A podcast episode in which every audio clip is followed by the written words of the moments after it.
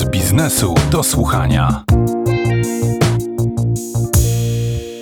Produkujemy coraz więcej śmieci, niszczymy planetę i żeby to jakoś naprawić, staramy się jak najwięcej z nich wykorzystać ponownie. Ale może to błędne koło? Może trzeba na sprawę spojrzeć zupełnie inaczej? Może da się produkować mniej śmieci? O ograniczaniu się opowiada Kasia Wągrowska, ekspertka od Zero Waste i autorka książki Życie Zero Waste Żyj bez śmieci i żyj lepiej. Niestety na razie zanosi się na to, że śmieci będzie przybywać. Mieszkaniec Europy Zachodniej produkuje dwukrotnie więcej odpadów niż Polak. Czy jesteśmy zatem skazani na to, że utoniemy w śmieciach?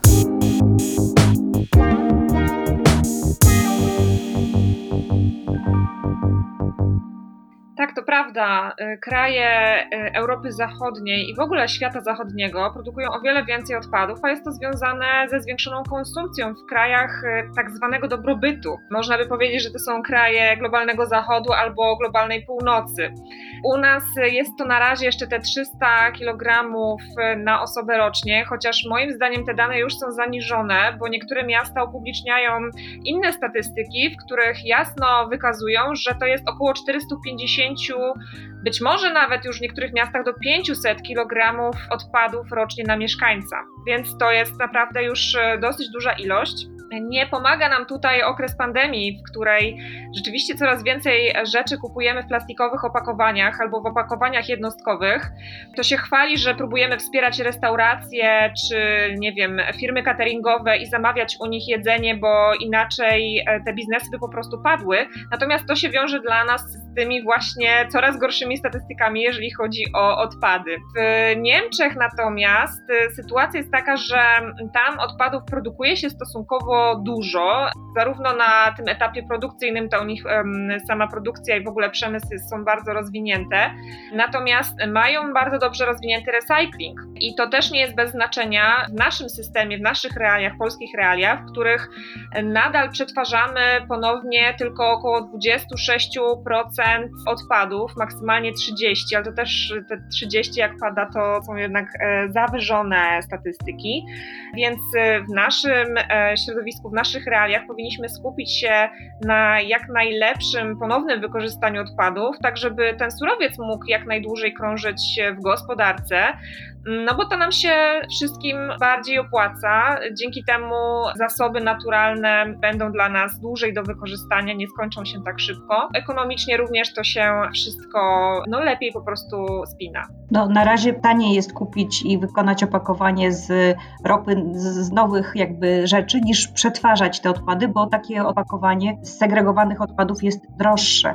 Ale pomyślałam sobie, zwróciłam się do Pani dlatego, że napisała Pani książkę Życie Zero Waste, żyj bez śmieci i żyj lepiej i może powinniśmy próbować ograniczać e, produkcję odpadów. Tak, w naszej rzeczywistości, w takiej, w której i segregowanie odpadów jest nadal dosyć, dużym wyzwaniem dla mieszkańców, bo zasady zdają się niektórym zbyt skomplikowane i recycling jest nadal jeszcze wish cyclingiem, czyli takim życzeniowym recyklingiem. My chcemy wierzyć, że te segregowane odpady pójdą do recyklingu, ale tak jak pani wspomniała, wiele firm um, narzeka na to, że nie opłaca im się przetwarzać odpadów i tutaj, no moim zdaniem, prawo powinno być tak zmodyfikowane, żeby rzeczywiście bardziej się opłacało producentom wytworzyć opakowanie z recyklingu niż z nowego tworzywa. To jest wszystko kwestia e, zmiany systemowej. Natomiast w obecnych realiach, takich, których no, możemy czekać na te zmiany systemowe nie wiadomo jak długo, rzeczywiście to ograniczenie odpadów wydaje się dla nas no, takim namacalnym rozwiązaniem, od którego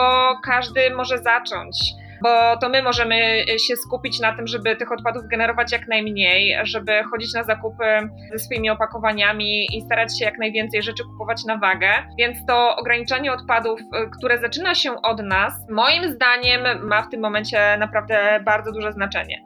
Napisałam książkę Życie Zero Waste, żyj bez śmieci i żyj lepiej, e, dlatego że rzeczywiście uważam, że e, ograniczanie odpadów kieruje nas trochę na takie tory bardziej rozsądnej konsumpcji. Tego, że my się rzeczywiście zastanawiamy, czy dana rzecz w sklepie e, jest nam potrzebna, czy to jest tylko zachcianka, albo czy dajmy na to chwilowa promocja skłania nas do tego, żeby ten przedmiot czy ten produkt kupić. Ja u siebie widzę nie tylko mniej rzeczy w domu dzięki temu, że zaczęłam ograniczać odpady, ale też ograniczać się w ogóle w tych moich takich zapędach um, konsumpcyjnych. I dzięki temu mam więcej też oszczędności na koncie, które mogę przeznaczyć e, na przykład na lepszą przyszłość moich dzieci. Mogę odkładać je na studia dla moich dzieciaków, mogę rozwijać swój biznes albo po prostu jeździć w ciekawe miejsca, spędzać e, miło mój wolny czas. Więc e, z jednej strony ograniczamy odpady, ograniczamy konsumpcję, potem to ma pozytywny wpływ na nasze życie, no bo tak naprawdę żyjemy bardziej świadomie z tym, czego tak naprawdę potrzebujemy, a nie z tym, co nam się wmawia, że być może nas uszczęśliwi. I skupiamy się na tym, żeby właśnie to nasze szczęście wyglądało po naszemu, według tych wartości, którymi chcemy się w życiu kierować. A ja jeszcze muszę Panią namówić na rozmowę o tych odpadach. Niech Pani podpowie parę trików, bo powiedziała Pani chodzenie z własną torbą na zakupy.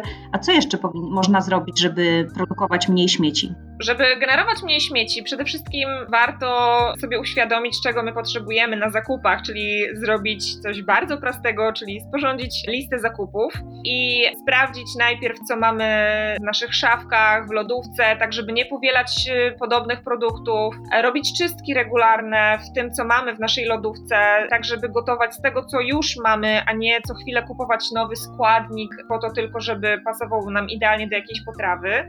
To jest taka bardzo rozsądna kuchnia, może, można by powiedzieć, że nie wiem, zbliżająca nas trochę do takich tradycji dobrego gospodarowania, czyli wykorzystywania tego wszystkiego, co już mamy w domu, a dopiero potem dbania o to, żeby zaopatrzyć się na nowo. No i właśnie kluczowe jest tutaj, żeby też rozsądnie wybierać to, co my kupujemy, czyli jak te zapasy sobie uzupełniamy.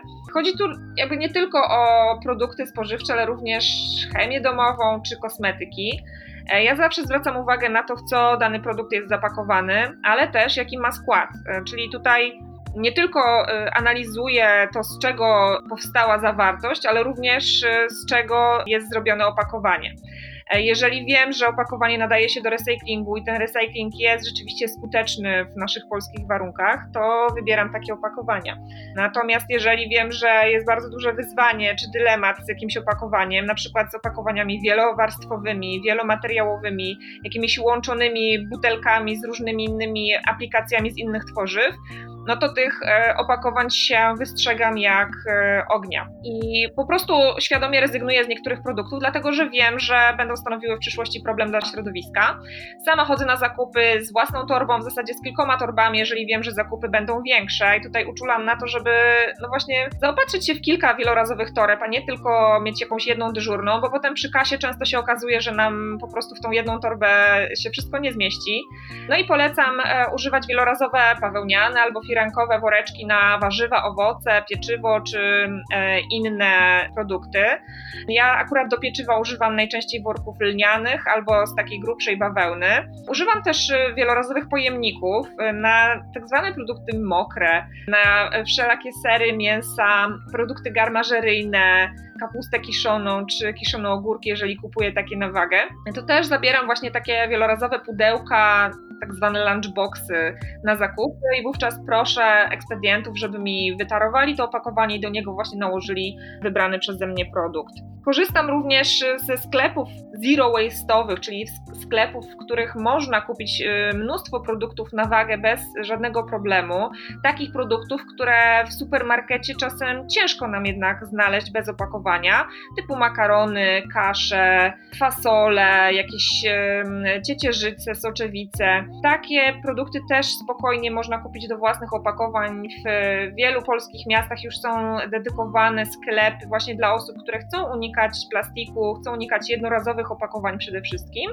No i e, nawet zakupy do własnego opakowania można uzyskać konkretną zniżkę. A jak Pani zaczęła na to zwracać uwagę i zaczęła Pani właśnie y, myśleć o tym, ile Pani produkuje śmieci, to czy zauważyła Pani różnicę? Czy na przykład widzi Pani w porównaniu z sąsiadami, że Pani rodzina produkuje tych śmieci dużo mniej? Tak, widać, e, widać to bardzo. Przede wszystkim o wiele rzadziej wyrzucamy śmieci i produkujemy ich naprawdę o wiele mniej. Tutaj przede wszystkim myślę o odpadach zmieszanych, czyli tych, które no, nie nadają się do recyklingu ani nie pójdą do odpadów bio, bo po tych zmieszanych oceniam, czy rzeczywiście wyszło mi ograniczenie tych śmieci, właśnie takich, z którymi nic już się potem sensownego nie zrobi, czy też nie. I zmieszanych rzeczywiście wytwarzamy bardzo, bardzo mało, praktycznie wcale. Cała reszta idzie do sortowania na recycling, te opakowania, które się do tego nadają, czyli metalowe puszki, plastikowe butelki, takie z tego plastiku, który nadaje się do recyklingu, głównie to jest plastik typu PET, HDPE czy PP.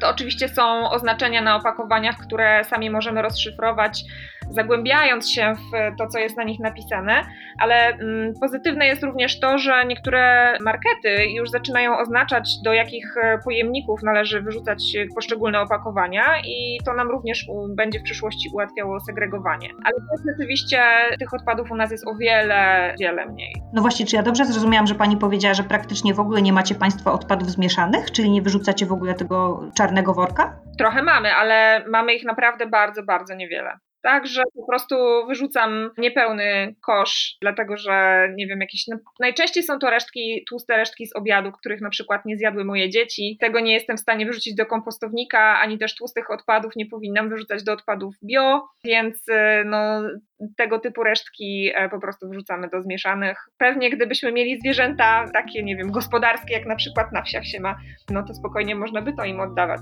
A skąd się w ogóle wziął ten ruch Zero Waste? Gdzie to powstało i kiedy? Ruch Zero Waste myślę, że w takim powszechnym rozumieniu tego, co my teraz o tym myślimy, że jest Zero Waste, powstał przede wszystkim w Stanach Zjednoczonych i w Australii. To głównie się wywodzi od tamtejszych blogerów, influencerów, którzy zaczęli o tym pisać nagłaśniać, że po prostu śmieci zanieczyszczają nasze otoczenie, negatywnie wpływają na przyrodę i wręcz od nich e, zaczynają się również negatywne zmiany klimatyczne. Jedną z takich, powiedzmy, ambasadorek Zero Waste w Stanach Zjednoczonych, takich osób, które jako pierwsze zaczęły pisać o tym i, i wydały książkę, jest Bea Johnson, która mieszka w Kalifornii i ona do tego stopnia ograniczyła produkcję odpadów przez swoją czteroosobową rodzinę, że generują tylko jeden słoik litrowy odpadów rocznie a nawet już teraz może być może mniej.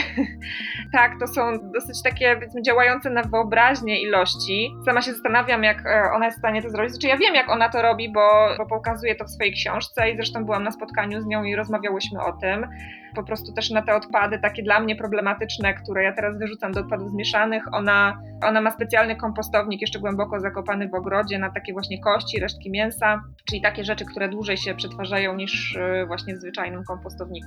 Plus y, no, resztę rzeczy segreguje albo odsyła do producentów, jeżeli na przykład może zwrócić jakiś produkt albo opakowanie. A kiedy ta pani zaczęła? To było jakoś w pierwszej połowie lat 2000. Bardzo pani dziękuję. Naszym gościem była pani Kasia Wągrowska, ekspertka od Zero Waste. Dziękuję bardzo.